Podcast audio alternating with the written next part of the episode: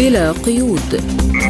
برنامج واسع الطيف نطلعكم فيه على آخر المستجدات على الساحة العربية والعالمية. حصريا من إذاعة سبوتنيك.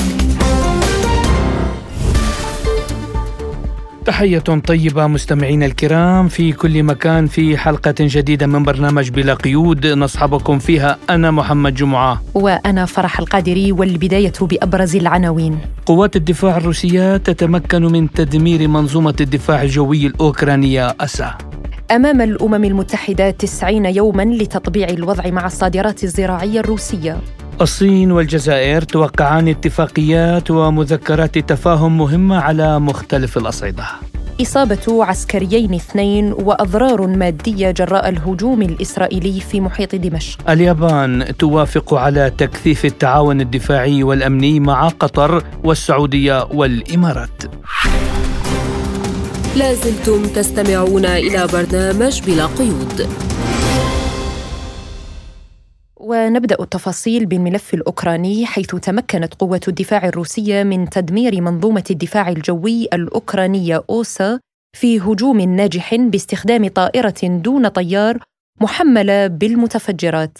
وتمكنت الطائرة بدون طيار من طراز لانسيت المزودة بالمتفجرات من ضرب الهدف بنجاح. أكدت ذلك وحدة الاستطلاع في القوات الجوية الهجومية التي شاركت في العملية. وأفادت قيادة عمليات الجنوب الأوكرانية أن محطات الحبوب والنفط والدبابات ومعدات التحميل تعرضت لأضرار في أحد موانئ منطقة أوديسا. في هذا السياق قال القائم بأعمال حاكمة مقاطعه خيرسون فلاديمير سالدو في منشور له على قناته في تليجرام بأن الجيش الروسي دمر أكبر مستودع للوقود وزيوت التشحيم للقوات المسلحة الأوكرانية في الجزء الخاضع لسيطرتها من مقاطعة خرسون. كما أعلن رئيس جمهورية القرم سيرجي أكسيونوف إغلاق طريق تافريدا في القرم بسبب حريق في موقع تدريب عسكري في منطقة كيروفسكوي.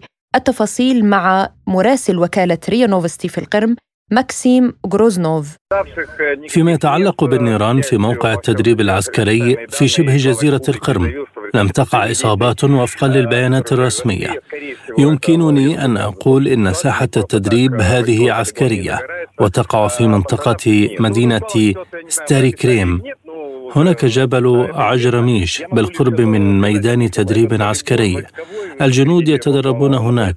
على الأرجح كانت هناك مستودعات حدث فيها شيء ما. في الوقت الحالي يجري التحقيق في تحديد سبب الحريق ولم يتم نشر الرواية الرسمية للحادث بعد. وفي اعترافات لأسرى أوكرانيين لدى الجيش الروسي قالوا أنه تمت معاملتهم بشكل جيد. وأنه تم تعبئتهم عسكريا من قبل أوكرانيا للقتال ضد روسيا.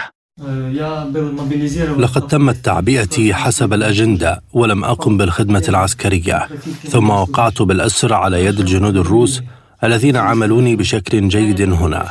لن أذهب للحرب مرة أخرى فأنا قبل ذلك لم أكن معافيا صحيا ولكن لم يكن لدي أي خيار آخر. لقد تم تعبئتي بعد أن أعطتني الشرطة استدعاء تم إرسالي إلى المملكة المتحدة للتدريب. كان المعلمون من النرويج وهولندا. أعتقد أن هناك من يستثمر الكثير من المال في تدريب مقاتلي القوات المسلحة لأوكرانيا. قدموا لنا الطعام واللباس وكان اللباس الرسمي من بريطانيا. في الخطوط الأمامية كان للقيادة موقف سيء تجاهنا إذ بدأوا على الفور في تصفية الحسابات مع أولئك الذين كانوا ضدهم. وبهذا السياق قتلوا رفيقي ثم بدأوا في إطلاق النار عليه. ولمناقشة هذا الموضوع أكثر نستضيف معنا الخبير بالشأن السياسي الروسي الدكتور فائز حوالة. أهلا وسهلا بك في برنامجنا بلا قيود. تحية لكم ولمستمعيكم ومتابعيكم الأكارم. يعني كما ترى الأوضاع في إطار يعني العملية العسكرية الروسية الخاصة وأقاويل من خبراء عدة غربيين الآن تصدر عن ضباط يعني أمريكيين وحتى بريطانيين. من بينهم خبير عسكري قال أن الهجوم المضاد الأوكراني سيبوء بالفشل وحدد له توقيت وقال أنه نهاية الصيف يعني يأتي بدون نجاح. ولا توجد ضمانات للناتو من فوز الجانب الأوكراني على روسيا. برأيك ما مدى صحة وجهة هذه النظر؟ وهل سيؤدي فشل الهجوم الأوكراني المضاد إلى هزيمة الغرب وبالتالي نهاية الهيمنة الغربية؟ هذا واقع في حقيقة الأمر نراه بأم أعيننا وفي كل يوم. آه، كنتيجة مباشرة لفشل ما يسمونه بالهجوم المعاكس الذي تقوم به القوات النازية الأوكرانية ضد الأراضي الروسية وضد المدنيين وبنفس الوقت آه، بممارسة عمليات إرهابية ضد البنى التحتية المدنية تحديدا وخاصة ما رأيناه في الفترة الأخيرة من استهداف القرم مرة أخرى أو الاستهداف المتواصل وفي كل يوم للمناطق السكانية الآمنة في الداخل الروسي أو في المناطق المحاذية للشريط الحدودي. بكل الأحوال طبعا هذا الهجوم المضاد والتصريحات الصادرة عن مختلف المسؤولين سواء كانوا عسكريين أو دبلوماسيين أو حتى سياسيين. في حقيقة الأمر هم يتنبؤون يتنبؤون مباشرة لعدة أسباب، السبب الأول هو عدم تماسك الجبهة الداخلية في أوكرانيا. بمعنى آخر أن ليس كل الأوكرانيون هم ضد العملية العسكرية الخاصة. وخاصة بعد أن شعروا بأن النازيين هم من يسيطرون على كل مفاصل الدولة.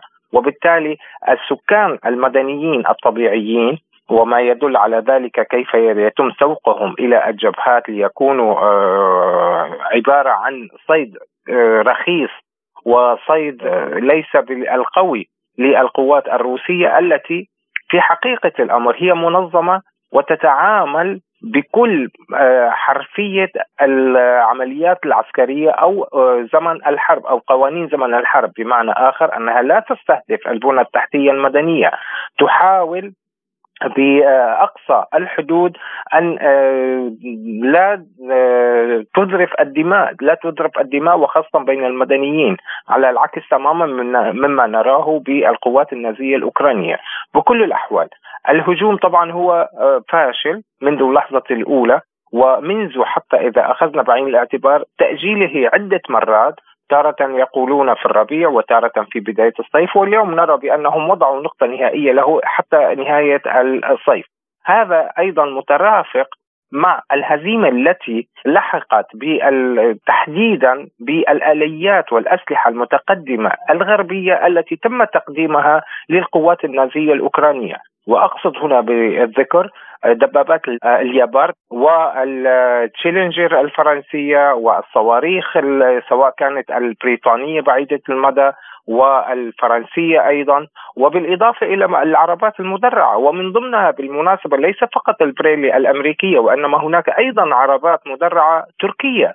وبحقيقة الأمر عندما يرى السياسيون والعسكريون والدبلوماسيون مقبرة الأسلحة أو الوسائل التي تم تقديمها لأوكرانيا من أجل أن تحقق آه، هزيمة استراتيجية كما وصفوها لروسيا الاتحادية في أرض المعركة عندما يروها محترقة هذا يعني بأنهم فقدوا كل الأمال وبدأوا يضعوا نقطة النهاية لما تسمى بالدولة الأوكرانية أو النازية الأوكرانية في حقيقة الأمر. طيب دكتور فايز في نفس السياق يعني رئيس جنوب أفريقيا قال أنه خطة السلام الأفريقية لأوكرانيا تكمل المبادرات الأخرى. يعني هل تتوقع تقدما في مناقشة الخطة الأفريقية في هذا الصيف خصوصا أن القمة الأفريقية الثانية ستقام في سان بطرسبورغ الأسبوع المقبل؟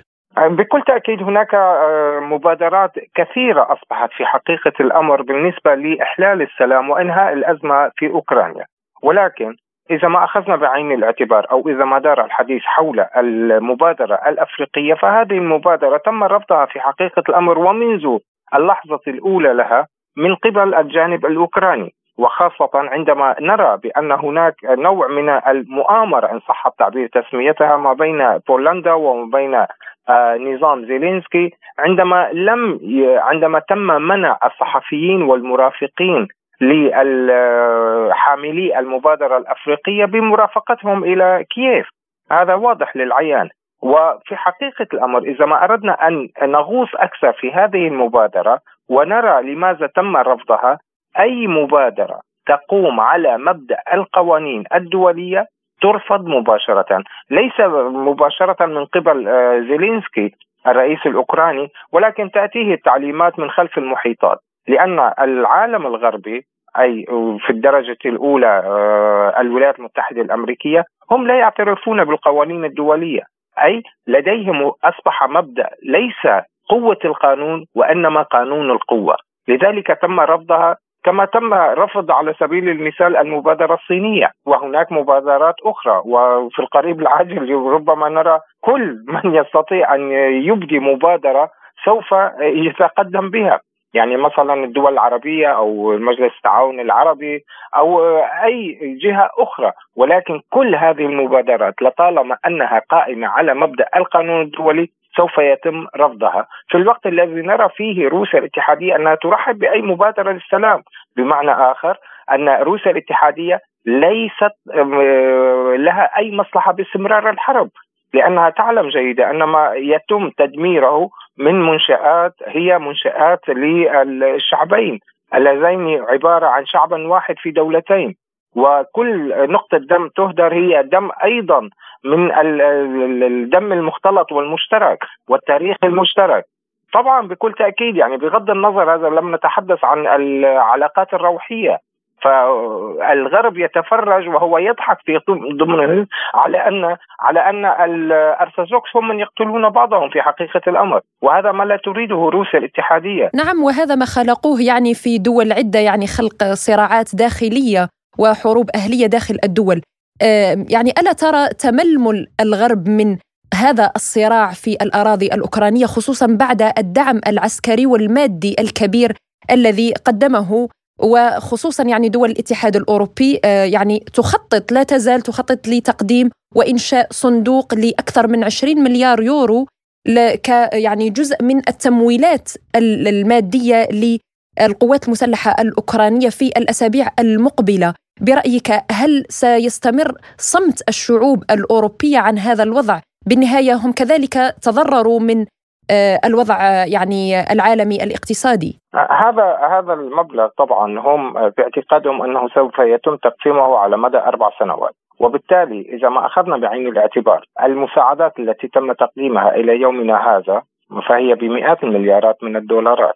هذا من ناحية. من ناحية أخرى لم تؤتي بأي نتيجة تذكر لصالح آه، الغرب بل على العكس وخاصة دول الاتحاد الأوروبي التي أصبحت في حقيقة الأمر آه، مرتبطة تماما بموضوع تنفيذ الأوامر التي تأتيها من الولايات المتحدة الأمريكية. حتى أستطيع آه، هنا أن أستشهد بما قاله الرئيس بوتين مؤخرا.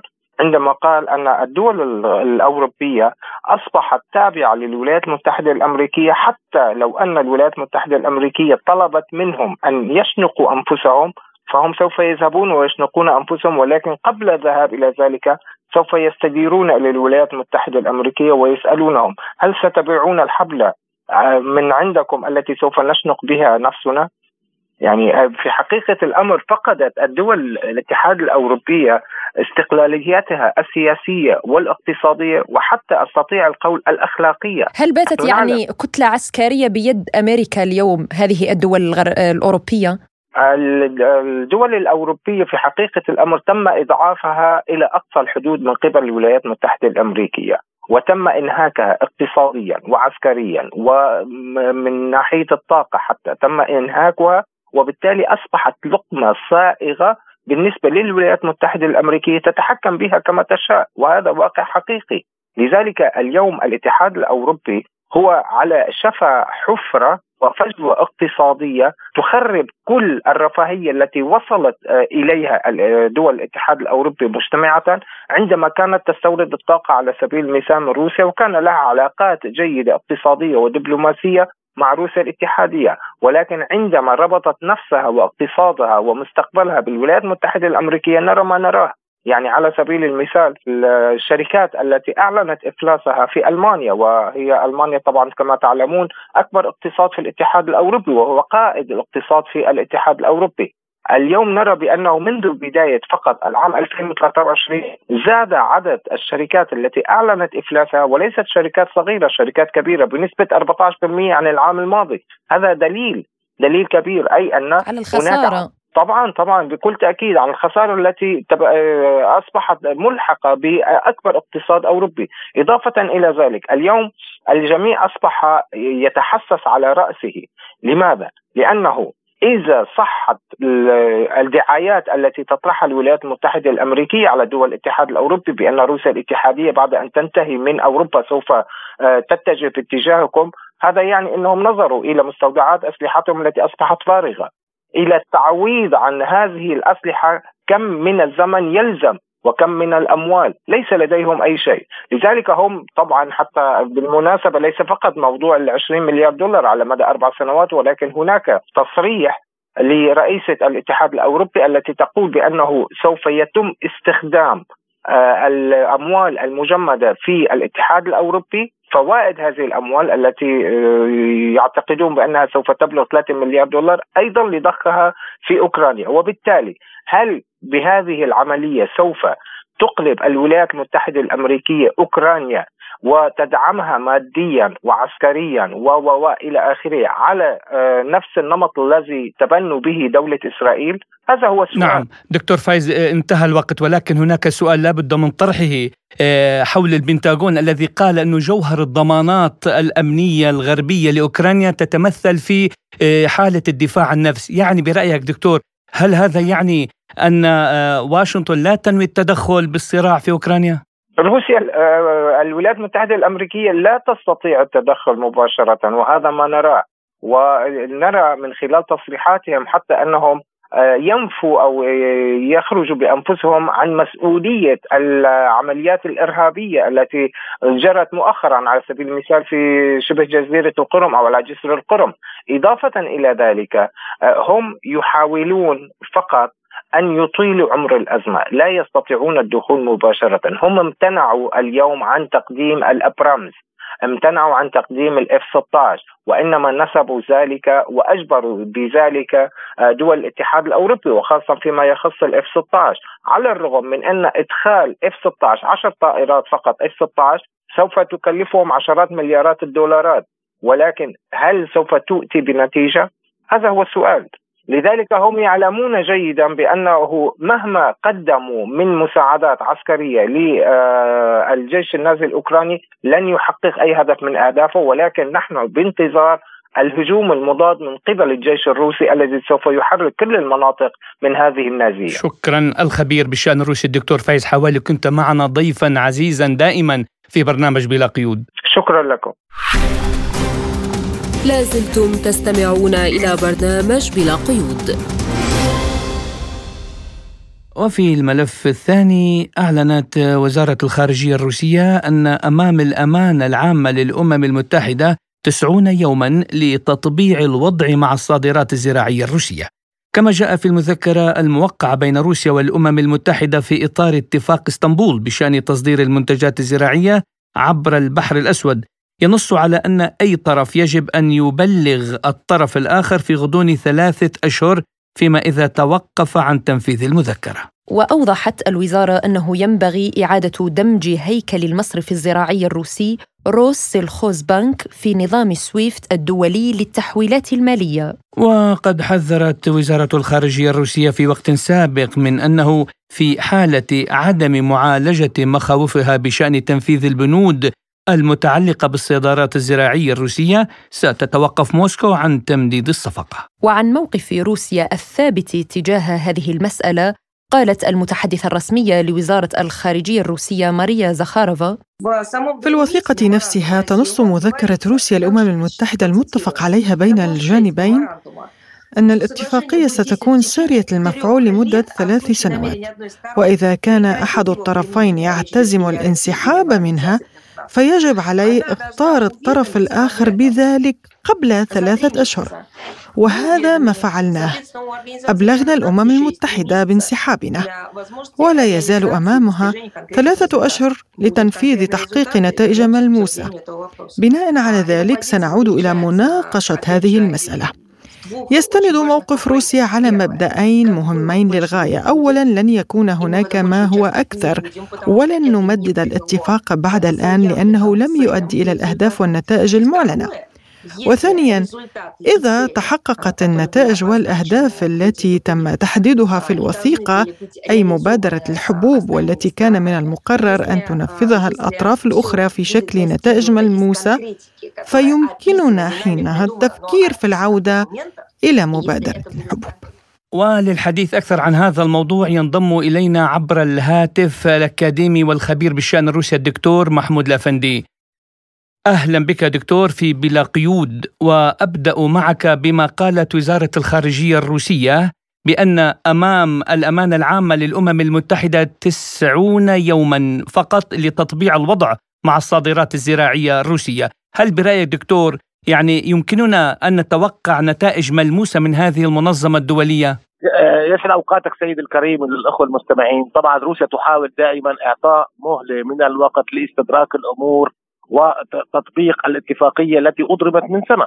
يعني نعلم جيدا أن حجة الأمم المتحدة وحجة الغرب أن روسيا مسؤولة عن تهديد الأمن الغذائي. لذلك روسيا سمحت باتفاقية الحبوب على أساس تطبق المبدأ الإنساني بشكل عام وليس مبدأ واحد فقط.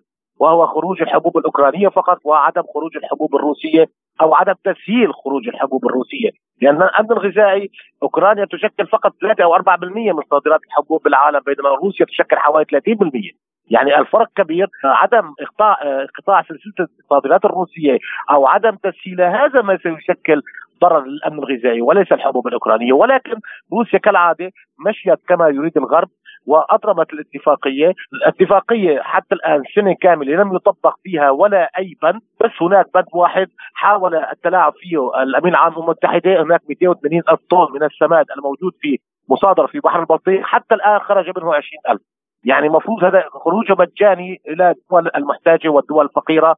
لم حتى يخرج منه 20000 يعني قصة الأمن الغذائي نعلم جيدا هي قصة مختلقة من الغرب وضغوطاتها على الأمم المتحدة لنكن واقعيين الأمم المتحدة هي مؤسسة آه، من المفروض أن تمارس بحياد كل الأمور الإنسانية، السياسية، اللوجستية، كل شيء حيادي، ولكن للأسف نرى أن الأمم المتحدة و أنا أقول هنا الأمانة العامة للأمم المتحدة تخضع للضغوطات الغربية وتخضع للسيطرة الغربية حتى خلينا نكون واقعيين. كل المؤسسات التابعة للأمم المتحدة أصبح مسيسة من طرف الغرب إن كان حقوق الإنسان إن كان حظر الأسلحة الكيماويه حظر الأسلحة الجرثومية منظمه الصحة الدولية كله الآن أصبح في آه، مسيس من قبل الغرب والامانه العامه للأمم المتحدة. روسيا تعلم أن الأمم المتحدة لا تستطيع تفعل أي شيء. هذا أمر مهم جدا. لأنه آه، القرار يأتي من الولايات المتحدة الأمريكية بالذات. والولايات المتحدة الأمريكية هي تخوض حرب هجينه على روسيا وحرب اقتصادية عن طريق العقوبات وتجميد آه، منظومة سويفت عدم إعطاء الضمانات للسفن الروسية للخروج اقصد ال insurance company الموجودات في لندن. يعني هذا كله بيعني إنه الأمم المتحدة أنا في رأيي لا تستطيع فعل اشياء 90 يوم هو 90 مخلبي ولكن روسيا أعطت فرصة أخيرة للغرب. هذا آخر فرصة للغرب للبدء فعليا بتنفيذ اتفاقيه الحبوب. ولكن في رأيي أنا شخصيا لا تستطيع الامم المتحده فعل ذلك لأن كإنسان كغوتيريش يريد ذلك. ولكن رغبته الشخصية لا تنطوي على آه المصالح الغربية. آه، دكتور هنا يعني في حال انقضت يعني المدة التي وضعتها روسيا للأمم المتحدة 90 يوم هل برأيك ستجد روسيا طريقا آخر لتصدير آه، حبوبها؟ وأيضا في حال ما إذا توقفت هذه الصفقة وظلت متوقفة ما هي المخاطر على العالم وعلى الأمن الغذائي لا سيما الدول التي ستتضرر كثيرا؟ أول شيء العالم لا يتضرر من اتفاقية الحبوب، العالم يتضرر من العقوبات الأمريكية على روسيا، هذا أمر مهم جدا، هو الفرق كبير بين بين اتفاقية الحبوب والعقوبات الأمريكية، روسيا أعطت هذه المهلة حتى تعطي آخر مهلة يعني آخر 90 يوم بعدها روسيا لن تناقش أي نوع من أنواع نقاش خروج الحبوب الأوكرانية في البحر الأسود، هناك طرق أخرى، هناك القطارات، هناك الطريق البري فليذهبوا إلى هناك، لأن روسيا هي تقوم بعملية عسكرية خاصة وهي من مهمتها حماية حتى لا تدخل الإمدادات العسكرية إلى البحر الأسود إلى أوكرانيا لأنه أسهل طريقة للامدادات العسكرية وأرخصها بالمادة هي الطرق البحرية، لذلك روسيا أعطت فترة يعني على أساس ما يسمى الإنسانية وما هو عليه كما يقول الأمم المتحدة، وافقت نوعا ما على أساس تركيا أن تقوم بالتفتيش. ونعلم جيدا أن الآن الثقة معدومة أصبحت مع الطرف التركي بعد آه، إطلاق سراح آه، قيادة أزوف النازيين الجدد إطلاق سراحهم مرة أخرى إلى أوكرانيا وعودتهم لمحاربة روسيا لأنه الآن ليس هناك ضمان لروسيا بأي وقت أن تركيا هي تفتش بشكل دقيق أو لا تفتش. ونعلم جيدا أن انفجار جسر استخدمت معبر معابر المعابر الإنسانية لاتفاقية الحبوب. لذلك روسيا تعلم جيدا انه هذه مهلة أخيرة لعدم النقاش، خلاص انتهى الموضوع ونقطة من أول السطر. أما بالنسبة لسؤال الطرف الثاني من سؤالك آه، فرح الحبوب الروسية تخرج. هناك موانع عديدة. ولكن المشكلة في عرقله السفن الروسية، تخرج الحبوب عن طريق سفن من الدول الأخرى. أنا في رايي روسيا إذا استمر عدم تنفيذ الطلبات الروسية، أنا روسيا تتخذ قرار أخرى يمكن أن تبيع هذه السفن إلى دول أخرى. أنا في رأيي هذا سيتم نقاشه في القمة القادمة الأفريقية الروسية التي تكون ببطرسبرغ 27 و 28 هذا الشهر. سيناقش الرئيس بوتين وبالاضافه إلى الوزارات الروسية سيناقش مع كل رؤساء أفريقيا كيف سيصل بسهولة هذه الحبوب؟ ومع ضمان أن روسيا أن الحبوب التي كانت تذهب إلى طريق أوكرانيا ولا تتجاوز 3% فقط ستقدم إلى هذه الدول مجانا. هذا أمر مهم جدا. لذلك روسيا الآن آه، كما يعني تلتف روسيا على العقوبات الأمريكية وتحاول تغير أسواقها الآن يمكن أن روسيا آه، ترى طرق جديدة لما يسمى إيجاد طرق جديدة لصادرات الحبوب، لذلك أنا في رأيي لن تحصل أي أزمة غذائية في العالم ولا الإمداد الغذائي لسبب واحد فقط. كل هذا الكلام حول أزمة الأمن الغذائي وما هو عليه هو كلام فقط لشيطان روسيا أن روسيا دعاية فقط على روسيا أنها تؤثر بالأمن الغذائي.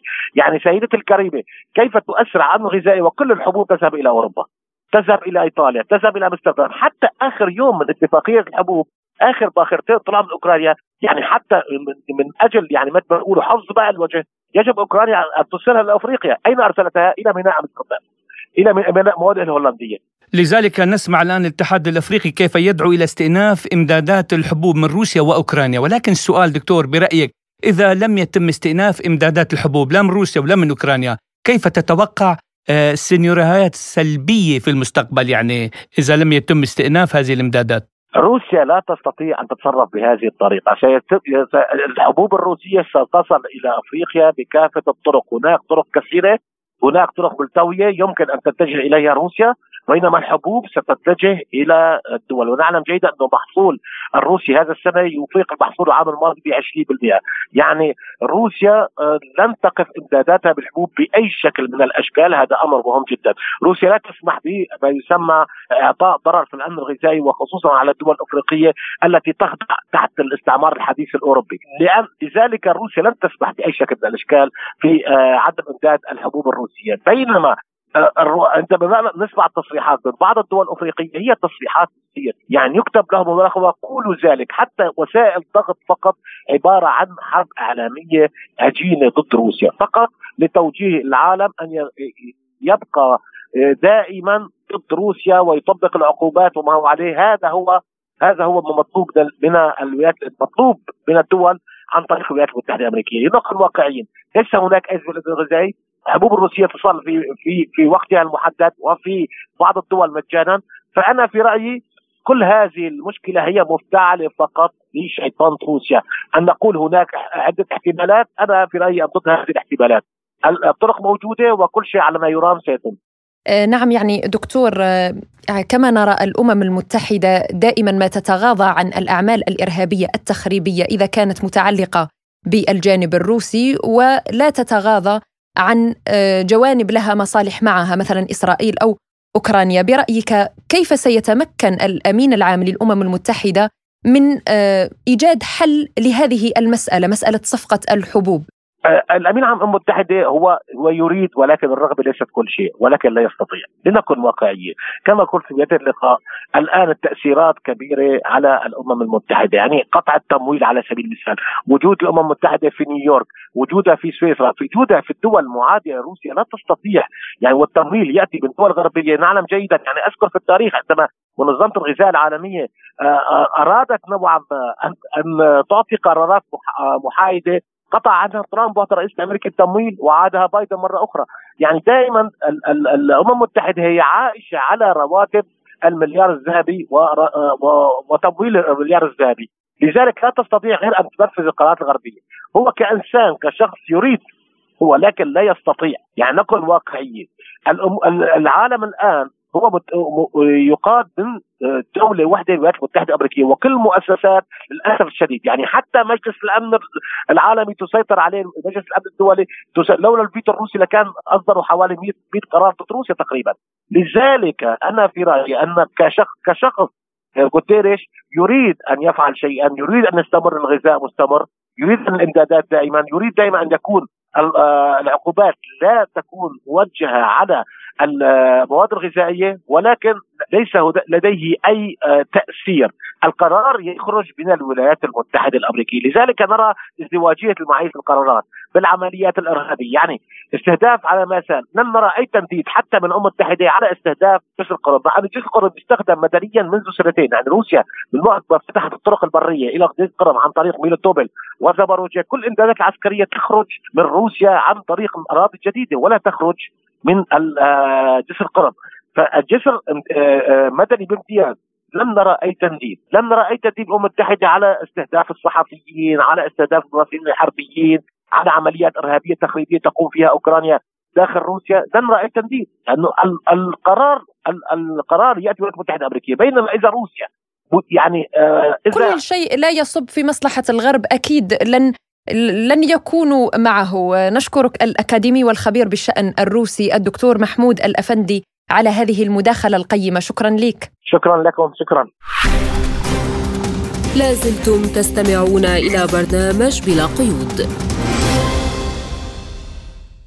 وإلى الشراكات الجزائرية الصينية حيث تم توقيع 19 اتفاقية ومذكرة تفاهم بين البلدين خلال زيارة أجراها الرئيس الجزائري عبد المجيد تبون إلى بكين بدعوة من نظيره الصيني تشي جين بينغ ويتعلق توقيع الاتفاقيات بمواضيع التعاون بين البلدين في مجال النقل بالسكك الحديدية وإنشاء مركز لتحويل التكنولوجيا والتعاون في المجال الزراعي وتحديد أطر جديدة للتعاون في مجال الاتصالات.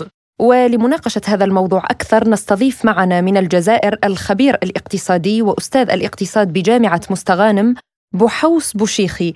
أهلا وسهلا بك وشكرا لتواجدك اليوم معنا في برنامج بلا قيود. يعني كما ترى هذه الشراكات والتفاهمات الاقتصادية بين الجزائر والصين كيف ترى هذا التعاون خصوصا بعد زيارة الرئيس الجزائري عبد المجيد تبون؟ هل تتعارض مصالح دول شمال إفريقيا واتجاهها نحو الصين مع المصالح الغربية برأيك؟ نعم العلاقة الخصوصية والخاصة بين الجزائر وما أدراك ما الجزائر والصين، اولا علاقة تاريخية متجذرة. أه، بالنسبة للعلاقات الاقتصادية تقريبا في الستينات والسبعينات والثمانينات العلاقات الاقتصادية كانت من جانب واحد كانت فقط الصين تستورد من الجزائر ما قيمته حوالي مليار دولار. أما بالنسبة للجزائر فكانت لا تستقبل من الصين أي سلع. يعني هذا اللي يكون في علم الجميع. في السبعينات والثمانينات والتسعينات. لما الصين بعد التسعينات أصبحت آه، مصنع العالم ووقع وقع انفتاح أصبحت تتدفق السلع من الصين إلى الجزائر وأصبح هناك اختلال اختلال الميزان التجاري بحيث صادرات الصين إلى الجزائر حوالي 7 مليار دولار. ومن ومن جهة أخرى صادرات الجزائر إلى الصين حوالي مليار دولار. فقط معناتها آه، الميزان التجاري لصالح الصين. أنا أعتقد هذه الزيارة زيارة الرئيس عبد المجيد تبون إلى الصين من أجل المذهب إلى شراكة استراتيجية ولا نقع فقط في آه، التجارة وفقط الاستيراد. يعني أستاذ بحوص بهذا التنوع من الجانب الجزائري نحو دول أخرى لها قوتها وثقلها في الميزان الاقتصادي العالمي الجزائر تريد أن تدخل في نظام البريكس، هل ترى أنه الوقت المناسب الآن لانضمام الجزائر للبريكس؟ بارك الله فيك. فعلا منظمة البريكس كما يعلم الجميع منظمة تتكون من خمس دول. روسيا والصين والهند وجنوب إفريقيا. وهذه المنظمة ترغب وتريد أن يكون النظام النظام العالمي متعدد الأقطاب بحيث أننا يعني هذا هذا المجموعات تريد إن شاء الله وسوف تكون يعني تقضي على هيمنة الدولار. أو التجارة العالمية كلها تسير بالدولار، لماذا لا نذهب إلى عالم متعدد الأقطاب؟ أين وخاصة مع يعني هذه هذه المنظمة وسلة العملات وممكن جدا عملة جديدة عملة البريك. فيا ريت يا الأستاذة فرح لعلمك أن هذه القضية قضية البريكس أو أو النظام المتع... يعني متعدد الأقطاب. نادت لها الجزائر في السبعينات عندما نادى الرئيس الراحل هواري بومدين إلى نظام دولي جديد. أثناء أزمة الدولار لما لما أمريكا في السبعينات قررت أن لا أن لا يتغير الدولار إلى ذهب.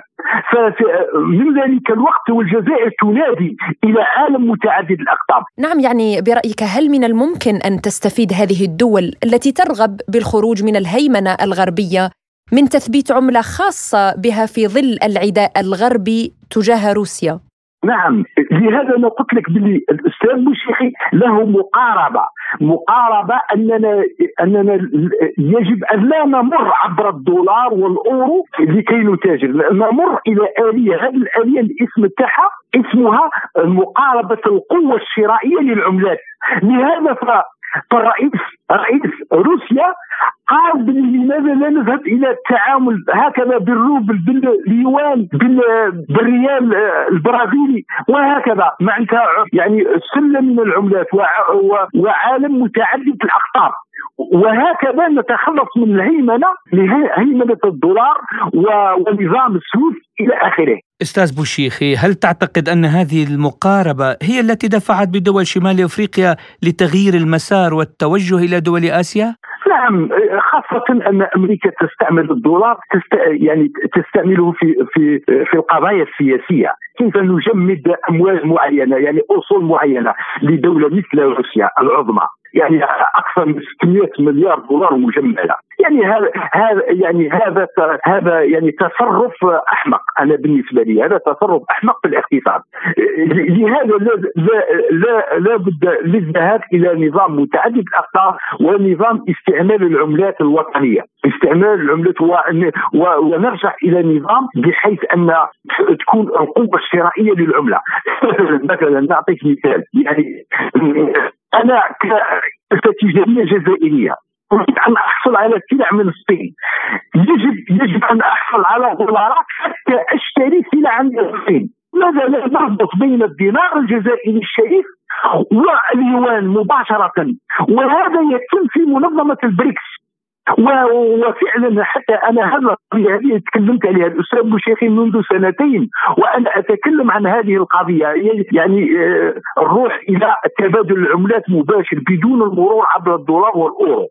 نعم يعني في سؤال أخير أستاذ بوشيخي آه، برأيك يعني بعد إخراج الجانب الغربي روسيا من نظام سويفت هل اليوم روسيا تسعى إلى خلق حل جديد و آه، إيجاد طرق أخرى لنظام التحويلات المالية في العالم؟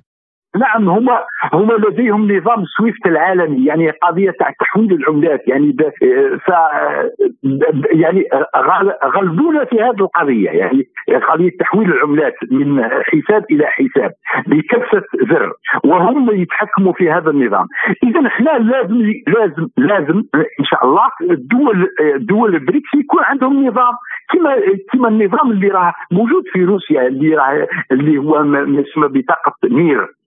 بتقدير بحيث أن السواح الروس لما يجوا مثلا إلى إلى إلى إيجيبت إلى مصر يقدروا يستعملوا بطاقة مير والبطاقة مير هي تخليهم العلاقة مباشرة بين الروبل والجنيه مباشر بدون المرور عبر الدولار وهكذا يعني وهكذا تتم التعامل وفق واحد المبدأ يسموه مبدأ الفوائد والنواقص والميزة النسبية. نعم نشكرك الخبير الاقتصادي وأستاذ الاقتصاد بجامعة مستغانم بوحوص بوشيخي كنت معنا ضيفا عزيزا من الجزائر.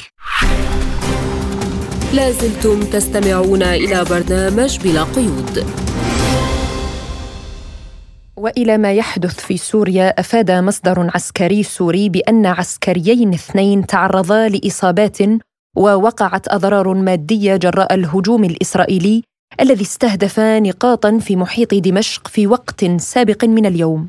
بهذا الصدد قال المصدر إن العدو الإسرائيلي نفذ عدوانا جويا برشقات من الصواريخ من اتجاه شمال الجولان السوري المحتل مستهدفا بعض النقاط في محيط دمشق.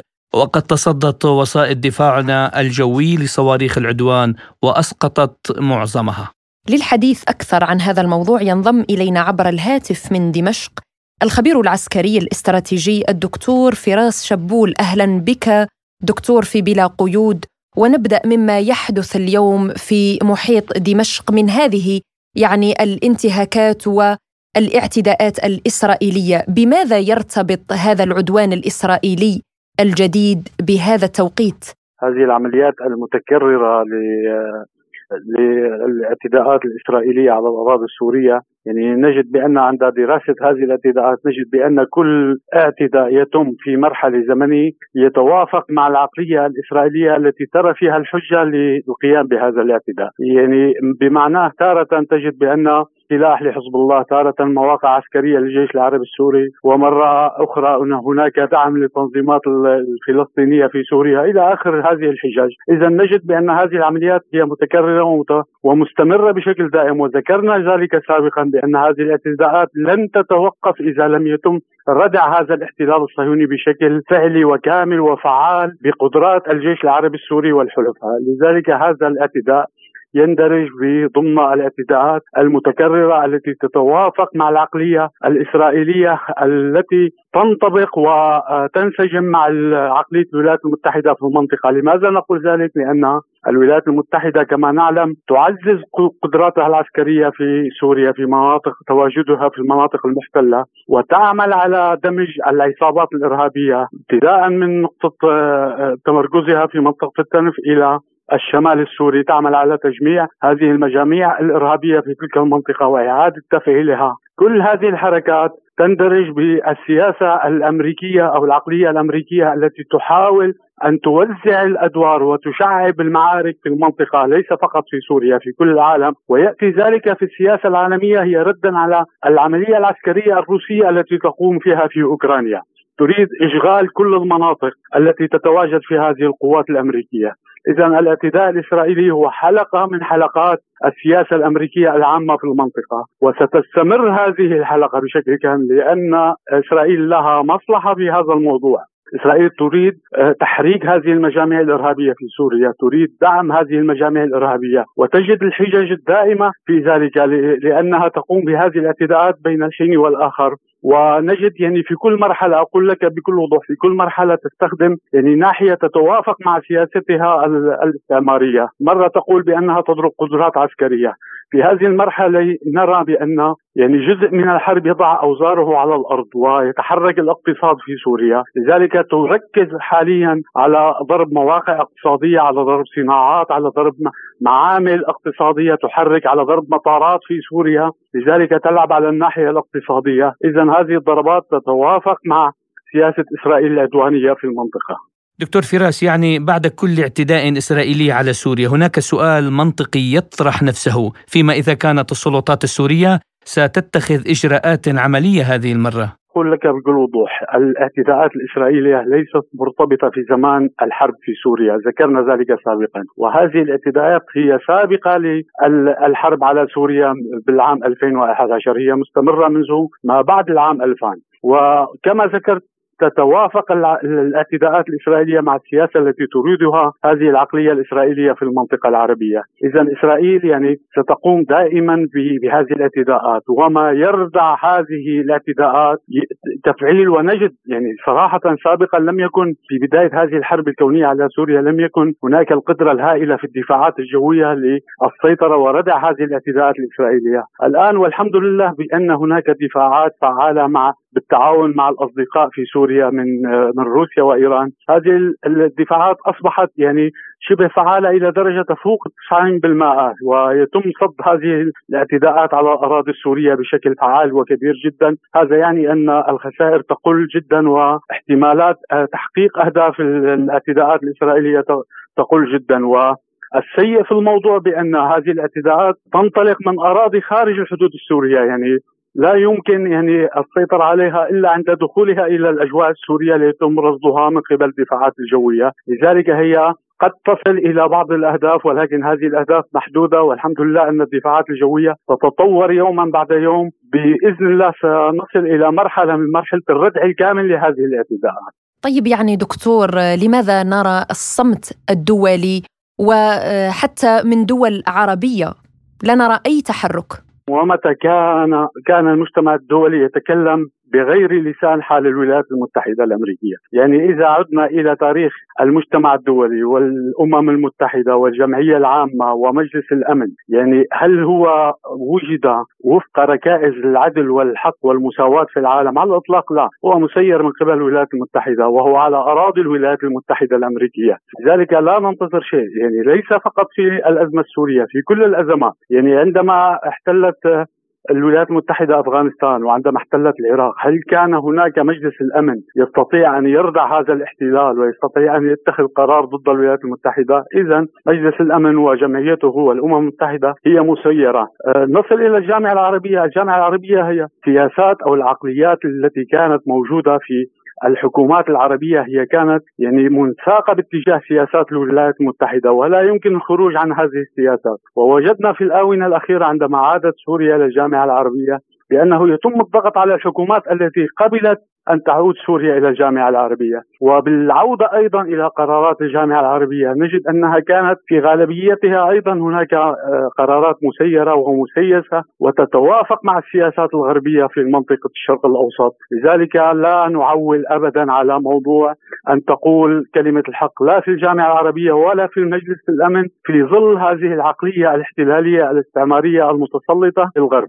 دكتور فراس أنت كخبير عسكري لو حدثت الآن حرب مباشرة بين سوريا وإسرائيل وهذا متوقع على مدار الأيام ما هي برأيكم السيناريوهات المحتملة؟ نعم أقول لك نحن آه، نتحدث عن مواجهة آه، مواجهة يعني كما تسمى مواجهة باردة بين الجمهورية العربية السورية والاحتلال الصهيوني ومن يقوم بمؤازرة هذا الاحتلال، هذا الموضوع موضوع المواجهة مع الاحتلال الصهيوني بينه وبين الجيش العربي السوري أو سوريا بشكل عام ومن معها هو مرتبط بأحداث عالمية، أحداث إقليمية ودولية، يعني أحداث متعلقة بمدى أن تقوم حرب إقليمية في المنطقة وبمدى أن تقوم حرب عالمية في منطقة أوسع من منطقة الشرق الأوسط، لذلك أعتقد بأن المواجهة المباشرة مع الكيان الصهيوني هي هي مواجهة حتمية ولكن الزمن لا لا يسمح الآن، نحن دخلنا في حرب يعني حرب حرب مضنيه وحرب أنهكت قوى الاقتصاد وأنهكت قوى السياسة والعسكره في كل منطقة ليس فقط في سوريا، لذلك الحرب وأنا أعتقد بأن الاحتلال الإسرائيلي يعني هو في في في وقت لا يعني في وقت هو ضيق جدا عليه من الداخل ومن الخارج. وسياسات الولايات المتحدة الأمريكية يعني تجعل هذا الكيان الصهيوني هو في خانة ضيقة جدا وهو ليس في حالة استعداد لمواجهات عسكرية في المنطقة، سوريا أيضا هي في في إعادة التعافي المبكر الاقتصادي والعسكري والسياسي، وهي تريد أن أن يعني تريد أن تنهي هذا الكيان الصهيوني في الوقت المناسب الذي تجد سوريا فيه بأنها يمكن القدرة على إنهاء هذا الاحتلال وهذا الكيان السرطاني الذي خرب المنطقة العربية بكاملها، لذلك كل السيناريوهات مفتوحة في المنطقة، إذا حدثت لا سمح الله مواجهات إقليمية بين معسكر الشرق ومعسكر الغرب حتما ستكون سوريا آه، هي في في في الجانب المضاد للكيان الصهيوني، أيضا إذا حدثت مواجهة دولية بين وما نعلم بمشاكل بحر الصين الجنوبي بين الولايات المتحدة والصين، أيضا هناك حلفان عالميان وقوى كبرى عالمية تصطدم، وبالتالي كل ما يندرج تحت هذا الحلف سيدخل سيدخل في معاركه وما يندرج تحت الحلف الآخر أيضا سيدخل في معارك مواجهة إن كان على المستوى الضيق أو على المستوى الواسع. لذلك كل السيناريوهات في المنطقة مفتوحة وأقول لك بكل بساطة إذا نشبت حرب في أي منطقة من مناطق الشرق الأوسط حكما ستمتد ظلال هذه الحرب على كل الأطراف المتواجهة في المنطقة العربية. الخبير العسكري الاستراتيجي الدكتور فراس شبول كنت معنا ضيفا عزيزا من دمشق في برنامج بلا قيود. لازلتم تستمعون إلى برنامج بلا قيود وفي ملفنا الاقتصادي أعلن رئيس الوزراء الياباني فوميو كيشيدا عن اتفاقه مع قادة قطر والمملكة العربية السعودية والإمارات العربية المتحدة على تكثيف التعاون في مجال الطاقة والدفاع. وأشار كيشيدا خلال زيارته للدوحة إلى أنه سيتم تكثيف التعاون مع دول المنطقة لتنويع مصادر الطاقة، وأكد بهذا الصدد أن دولة قطر تكثف دورها على الساحة الدولية بفضل جهودها التوافقية في السياسة الخارجية وأنها تطلع بدور مهم جدا في مجال الاستقرار في منطقة الشرق الأوسط. وللتعليق حول هذا الموضوع نستضيف معنا الخبير الاقتصادي الدكتور مازن مرجي أهلا وسهلا بك دكتور وشكرا لتواجدك معنا في بلا قيود. يعني كما نرى تعاونات وشراكات خليجية مع اليابان لا سيما في المجالات الدفاعية والأمنية. برأيك لماذا اتجهت الدول الخليجية اليوم إلى الجانب الياباني وكثفت من التعاون في هذه المجالات؟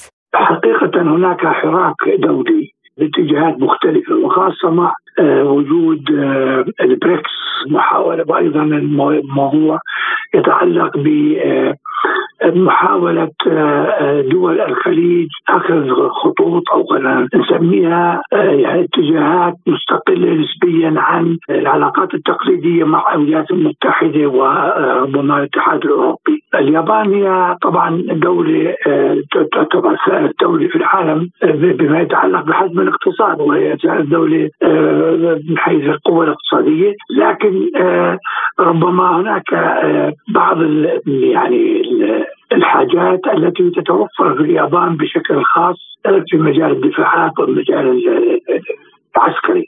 لكن هي قد تبدو هي فيها نوع من التوجه الجديد إلى اليابان مثلا بدلا مثلا من التوجه إلى إلى روسيا للحصول على حاجاتها المختلفة. لكن أنا باعتقادي أن آه، العملية هي مرتبطة فقط في أن هذه الدول تسعى وتتنافس فيما بينها. وتسعى إلى إثبات وجودها وإلى حماية أمنها من خلال التزود بمصادر منوعة للسلاح والأنظمة الأمنية. واليابان طبعا هي دولة متطورة في مجال التكنولوجيا والمجالات الشبيهة المتعلقة بالتكنولوجيا. أمر طبيعي باعتقادي آه، ليس هناك أمر مستغرب ولكن قد يكون الملاحظة الوحيدة هي أن آه، اليابان هي قد تكون بديل مستقل قليلا عن النمط التقليدي والاعتماد التام على الولايات المتحدة وحلفائها الأوروبيين. دكتور مازن برأيك يعني خلق التكتلات السياسية والعسكرية والاقتصادية الجديدة بعيدا عن الهيمنة الغربية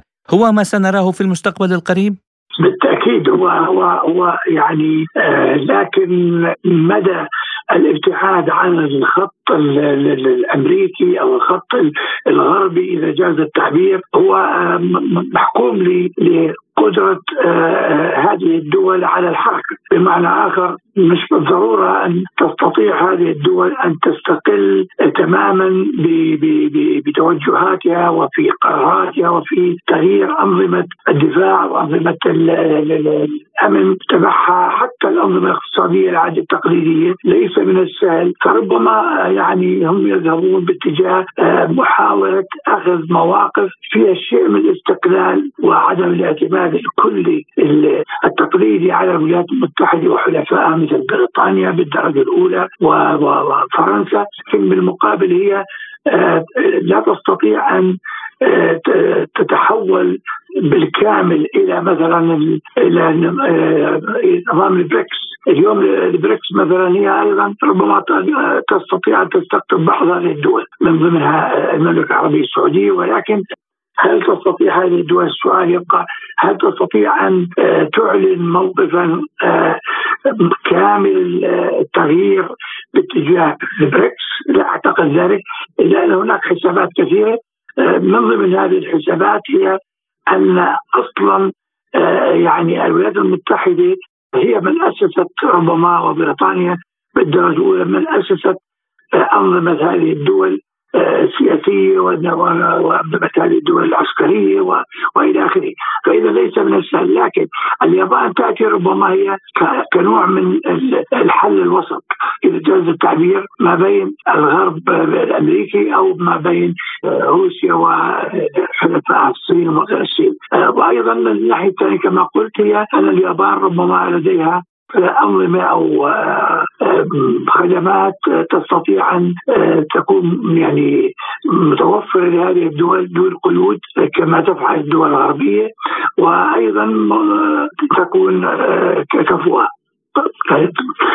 يعني أجهزة أو خدمات كفؤة آه، تحتاجها هذه الدول مع ازدياد ما أخذ بعين الاعتبار ان هناك ازدياد في التوتر الموجود بما يتعلق بالخليج العربي آه، وسابقا وما زال ما بينه وبين إيران وبين الدول العربية ذاتها التنافس وأيضا ما بينها وما بين آه، يعني دول المنطقة بشكل عام. نعم يعني برأيك لماذا فكر عدد من الدول بالتوجه نحو حلفاء جدد لتعزيز التعاون الدفاعي العسكري؟ آه، هل اليوم نحن أمام صراع عالمي جديد متوقع خصوصا يعني في ظل الأزمة الروسية الأوكرانية؟ الصراع العالمي الجديد يعني هو بالتأكيد آه، آخذ آه، طريقه إلى التشكل. ولكن آه، ليست هناك ملامح واضحة بالضبط كيف سيكون أو كيف ستكون العلاقات أو من سيكون الفريق الذي تنحاز له الدول أو تتحول إليه الدول. فدول الخليج خلينا نكون برضه صريحين هي غير غير غير مستقلة بالمعنى العسكري وبالمعنى السياسي وليست يعني هي لديها قوة اقتصادية ولكن القوة الاقتصادية محكومة لأولا ربما الأسواق التي تذهب إليها المنتجات النفطية على سبيل المثال. اليابان هي دولة من الدول الرئيسية التي تستورد النفط من من من دول الخليج العربي. على عكس الولايات المتحدة الآن لم تعد تستورد أو تعتمد بشكل كبير ولذلك تغيرات في السياسة الأمريكية تجاه هذه الدول لم تعد تكترث كثيرا بهذه الدول بأكثر من مجرد أن تبقى هذه الدول بعيدة عن منافسيها. ولكن عندما نتحدث عن اليابان اليابان ما زالت تعتمد بشكل كبير على النفط الخليج العربي وأيضا كذلك التحالفات هي مبنية آه، وكما قلت سابقا لا يمكن لها أن تتحول بشكل واضح للتحالف مع الحلف الآخر لو يتضمن الهند وروسيا وبالذات روسيا والصين. كون روسيا تعتبر منافس قوي جدا للغرب فيما يتعلق بالأسلحة وما يتعلق بنظم الدفاع ونظم المختلفه، لكن هنا في نوع من التنويع، في نوع من التنويع وفي نوع من كما قلت نوع من الاستقلالية أو محاولة لأن الولايات المتحدة لنكون صريحين ربما لم تعد تكترث بالمعنى وخاصة منذ سنوات أصبحت الولايات المتحدة تنتج معظم نفطها وتستورد ما تبقى من حاجاتها تستورد مثلا من كندا. القليل القليل الذي تستورده وأصبحت مصدر للنفط في والغاز والغاز وإلى آخره. هذه العلاقة اللي كانت مرتبطة يعني بشكل وثيق جدا ومعتمدة بين هذه الدول ومع الولايات المتحدة ومن خلفها بريطانيا في الأساس أصبحت الآن علاقة مهتزة. وإن كان لكن لن تصل إلى حد القطيعة التامة. ونرى بين حين وآخر هناك تهديدات مبطنة إذا جاز التعبير. نشكرك الخبير الاقتصادي الدكتور مازن مرجي على هذه المداخلة. وبهذا الملف نصل وإياكم مستمعينا الكرام إلى ختام حلقة اليوم من برنامج بلا قيود. كنا فيه معكم أنا فرح القادري وأنا محمد جمعة. إلى اللقاء.